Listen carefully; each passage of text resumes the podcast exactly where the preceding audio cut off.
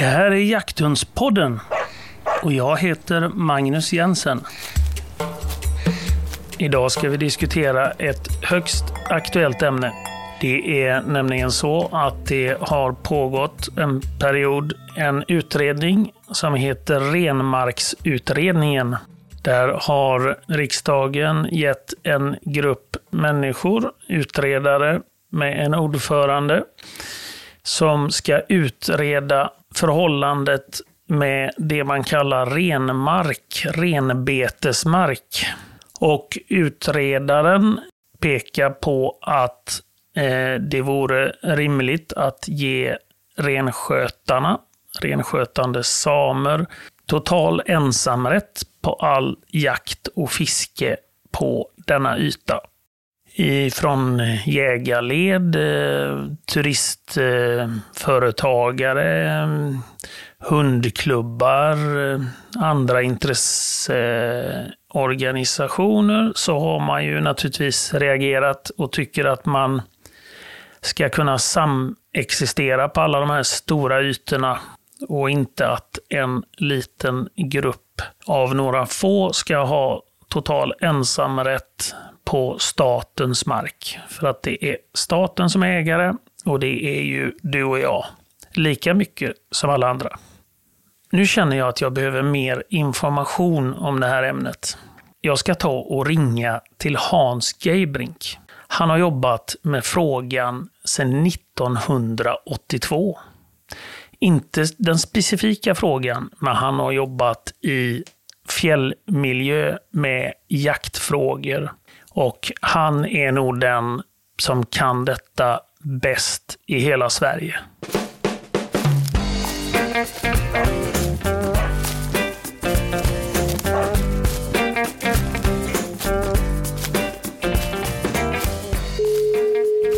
Det var Hans. Hejsan Hans, det var Magnus Jensen här. Men tjenare. Du har jobbat med jakt i fjällnära miljö i 30 år. Bland annat som jaktvårdskonsulent. Kan du berätta lite om din erfarenhet? 40 år till och med. Oj, åh herregud. Ja, det, då, då har du bred erfarenhet. Ja, får man väl säga. Och, och jag har ju jobbat på lite olika ställen i landet också. Från, som konsulent från Sörmland i söder upp till Norrbotten i norr. Så att, eh, I Norrbotten är ansvarig jag för fjällområdet. Så att Eh, Jag tror eh, alla, alla som bor i Sverige har nog inte upplevt eh, norra halvan av Sverige tillräckligt mycket. Det, det är ju en fantastisk plats att uppleva. Och, och gärna med sin hund så att säga. Eh, och jag tror inte alla, i alla fall inte de som bor i södra halvan, har, eh, har varit där uppe. Man glömmer av eh, den norra halvan lite grann känns det som. Och då ska jag nog säga att då har man gått miste om en hel del. Ja, Men, men ser man, man säger, ser man under jakt, då är det faktiskt ganska mycket folk från Syden. Ja, just det. Men eh, under dina eh, 40, drygt 40 år eh, i tjänst, i fjälljaktens tjänst kan man väl säga, så, så är det några viktiga ärenden som, som du har jobbat med under åren eh, som du liksom kommer ihåg lite utöver det vanliga utan att vi behöver fördjupa oss alldeles för mycket i dem? Ja, det är det väl. Och en sån sak är ju att jag var med och tog fram det förslag som då blev Jägarförbundets förslag för hur fjälljakten skulle vara organiserad. Så att, eh, det var ju då 89. kan man säga att fjälljakten och framförallt egentligen fågelhunds fågeljakt upp till fjälls, ja, det ligger mig varmt om hjärtat. Ja, med andra ord kan man ju säga att du är, är ganska insatt i fjälljaktsfrågor i alla fall. Vill, nu har jag väl egentligen som huvuduppgift just fjälljaktsfrågan och den här renmarkskommittén som pågår. Nu är det väl nästan heltid. Jag sitter med i expertgruppen i renmarkskommittén som ska utreda rennäringslagen. Och Orsaken är väl då att jag är väl den på förbundet som har jobbat längst med de här frågorna. Berätta lite om, om den här utredningen och, och din roll i expertgruppen då. Ja, man kan ju säga, man säger, det här är ju då man säger en parlamentarisk utredning. Att de som egentligen då är beslutande det är då företrädare från alla riksdagspartier som sitter med i, de sitter nu i kommittén här också. Eh, sen har man en grupp som kallas sakkunniga som då består egentligen av samiska företrädare, renskötsel och sameföreträdare.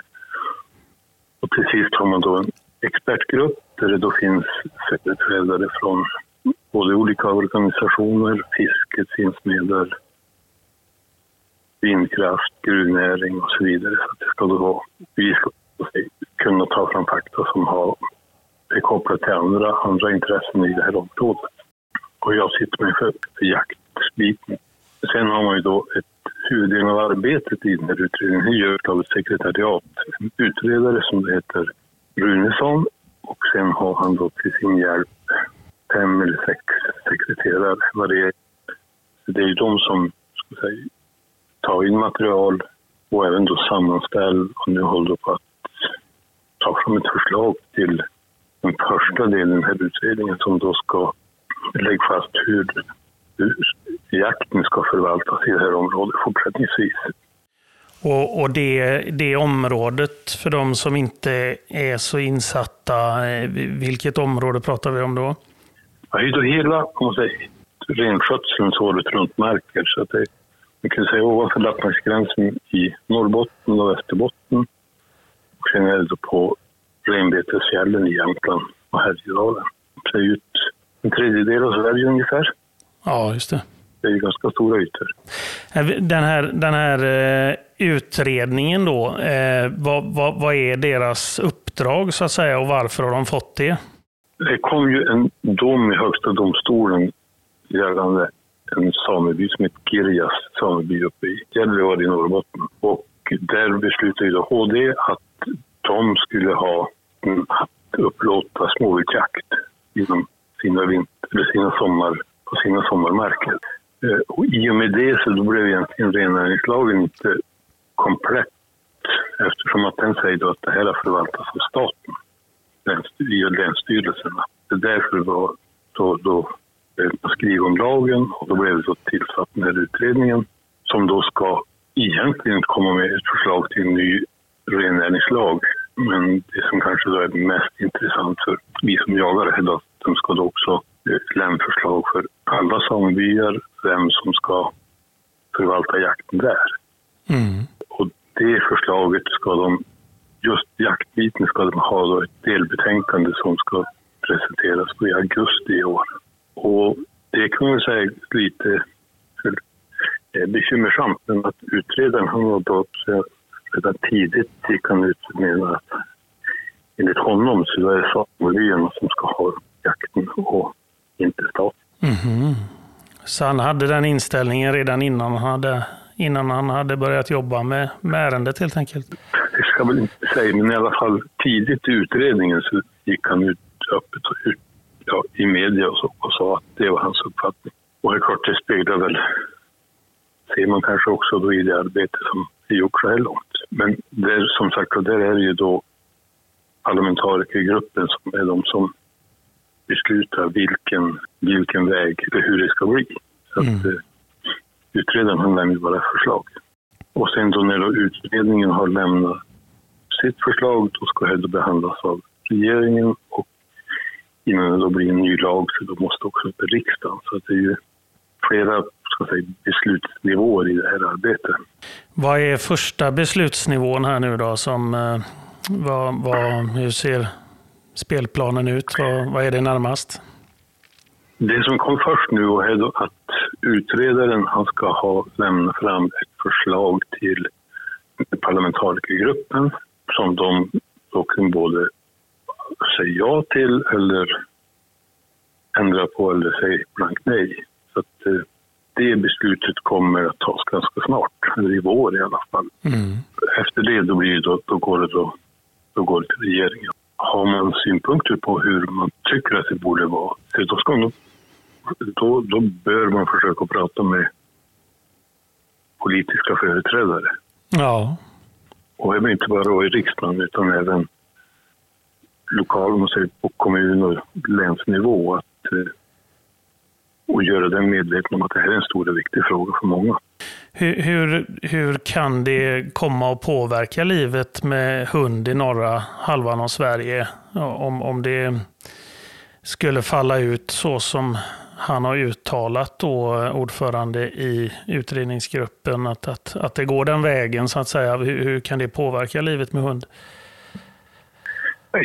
Vi vet ju inte riktigt, eller vi vet inte, det kommer säkert att variera mellan olika samebyar, men att det enda vi vet konkret hur, vad som har hänt är då inom Girja sameby. Eh, och där har man då, Mm. det säger man jaktkort enbart till bosatta i Norrbotten. Eh, och det man då gjorde eh, redan tidigt var att man senare la jaktstarten till mitten på september. Eh, samma gällde för fisket, att religiös fiskekort måste vara skriven i bosatt i Norrbotten. Och där finns det då ett undantag att det finns något som heter Tjonajok fiskekamp längs i norra delen av samebyn. Där får då fiskekampen får då sälja fiskekort även till vem som helst. Men då är kravet att du ska vara åtföljd av en guide och priset blir ett antal tusen kronor per dag för att fiska där. Så där kan man säga att en stor del av svenska fiskare är ju i praktiken utestängd från det området också. Så att eh, risken är väl att eh, det blir försämringar om samebyarna får ta över, skulle jag vilja säga. Antingen då att man begränsar jakten eller att det, och eller att det blir dyrare. För att eh, som vi nu får vi lov att säga att nu är ju tillgången på jakt god mm. och jaktkorten är förhållandevis billiga i alla fall. Men Ja, det låter ju inte, det låter ju inte sådär jättedemokratiskt. Eh, det, det styrs ju mer av, av plånboken då än av, av eh, lika rättigheter helt enkelt. Ja, det är, risken är ju stor att det blir så. Och, och jag tror att, ja, om man säger, tar man att jaga i Skåne till exempel är ju också betydligt dyrbarare än att, är att jaga i norra Sverige. Till viss del på grund av att det då, ja, många, många markägare kan ta ut ett högt pris därför att det finns stor efterfrågan. Mm. Och jag skulle tro att man fick nog räkna med en liknande situation då det gäller fjälljakt. Att eh, ska säga, en, en ripjakt upp till fjälls har ju ett ganska högt pris om du ska se på det rent internationellt. Man väntar till ja, tyskar eller amerikaner eller vad som helst. Då tror jag de kommer att, i så fall skulle det komma att märkas även på jaktkorten här uppe. Mm. Men ehm, ja, fågelhundar nämnde du där då, men, men är det andra jakthundstyper och är det bara jakthundar som kan komma att påverkas av detta? Får man väl säga. För att egentligen för att ha en hund lös idag, så då skulle du ha jakträtt på den mark där du går med hund lös. Eh, så att, eh... jag tänkte kanske på draghundsport och, och alltså fjällvandra med, med hund och, och sådana där aktiviteter då?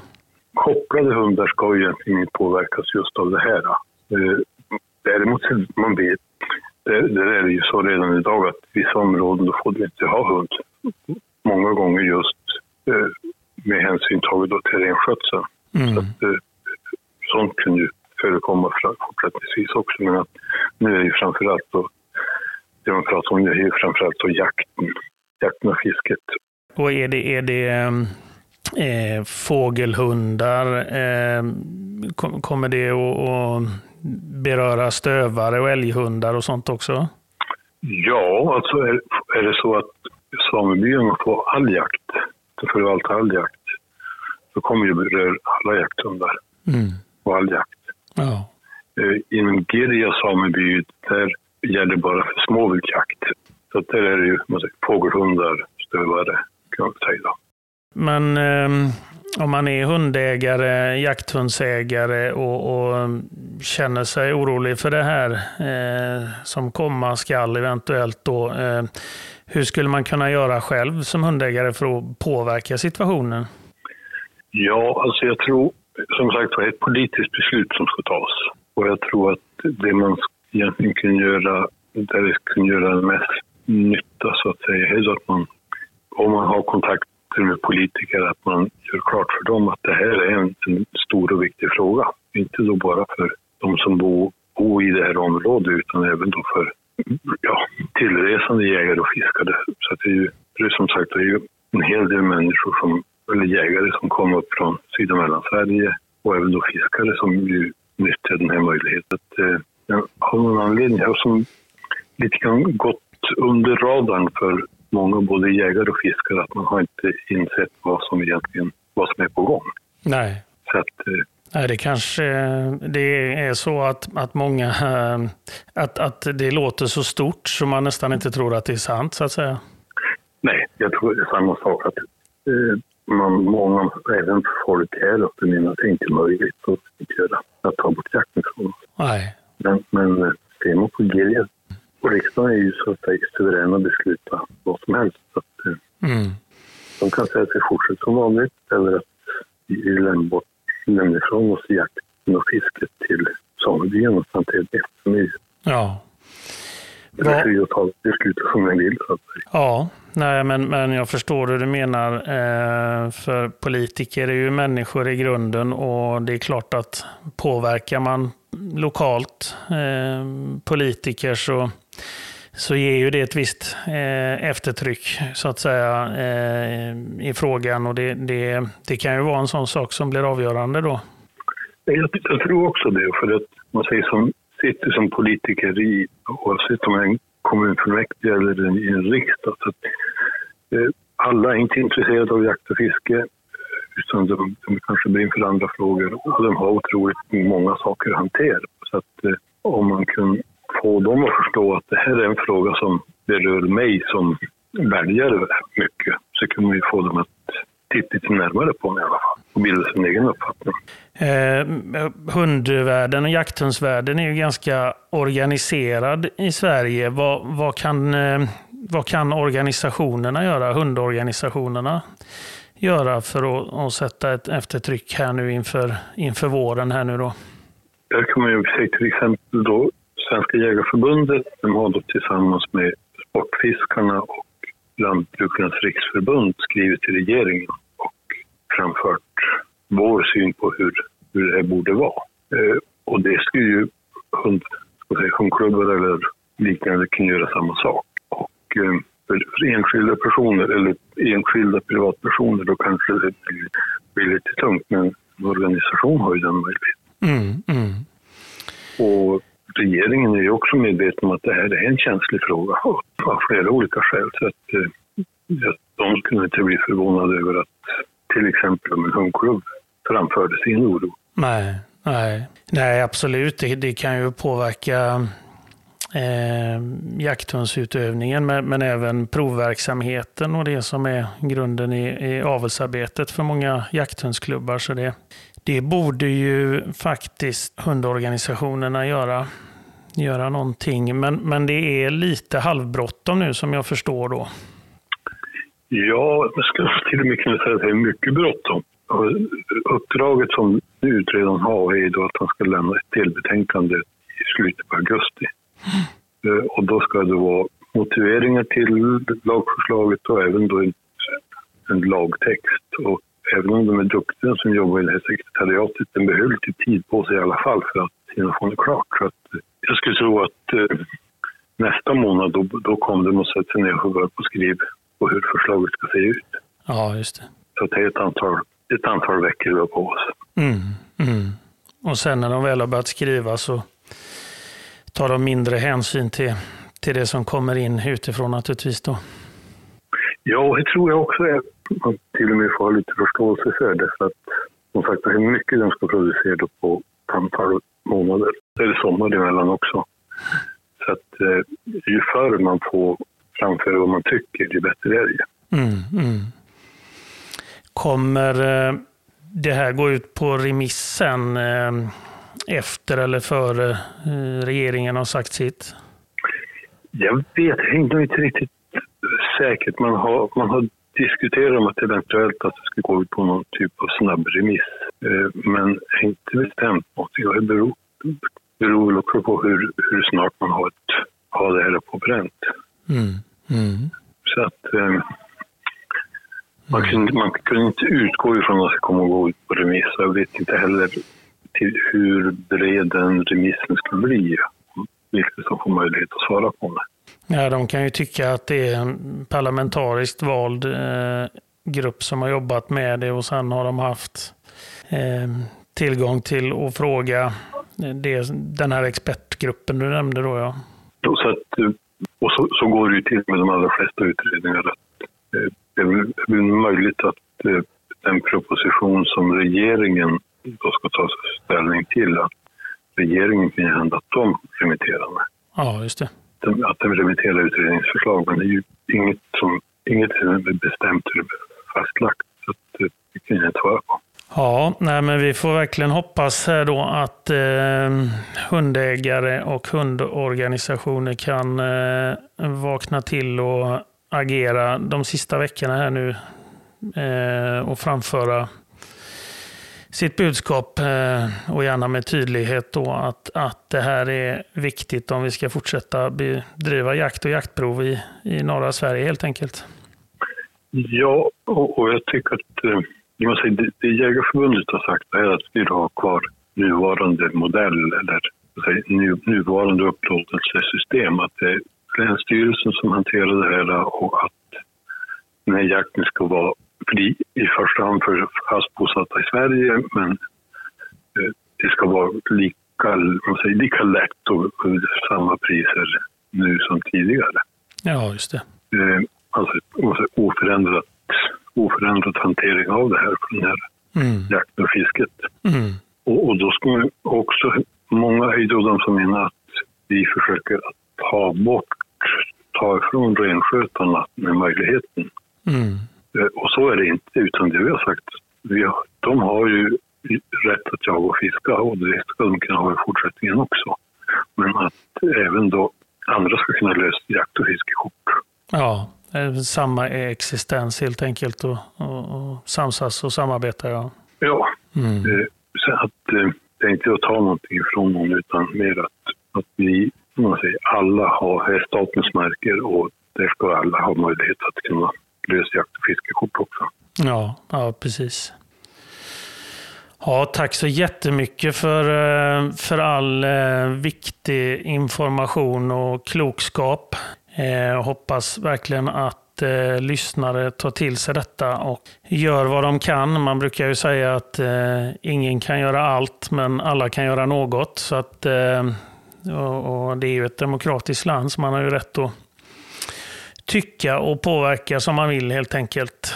Tusen tack för, för eh, din medverkan Hans. Du, det var så lite, och är det så att någon vill ha mer information så är du välkommen att höra av sig. Jajamän. Och då hittar man dig? På Svenska Jägareförbundets hemsida. Jajamän. Ja. Tusen tack för det och så får du ha det så bra tills vi hörs nästa gång. Detsamma. Tack. Ja, tack och hej. Tack för att du har lyssnat. Prenumerera på podden och följ oss på Instagram, Facebook och Youtube. Vi hörs. Hej hej!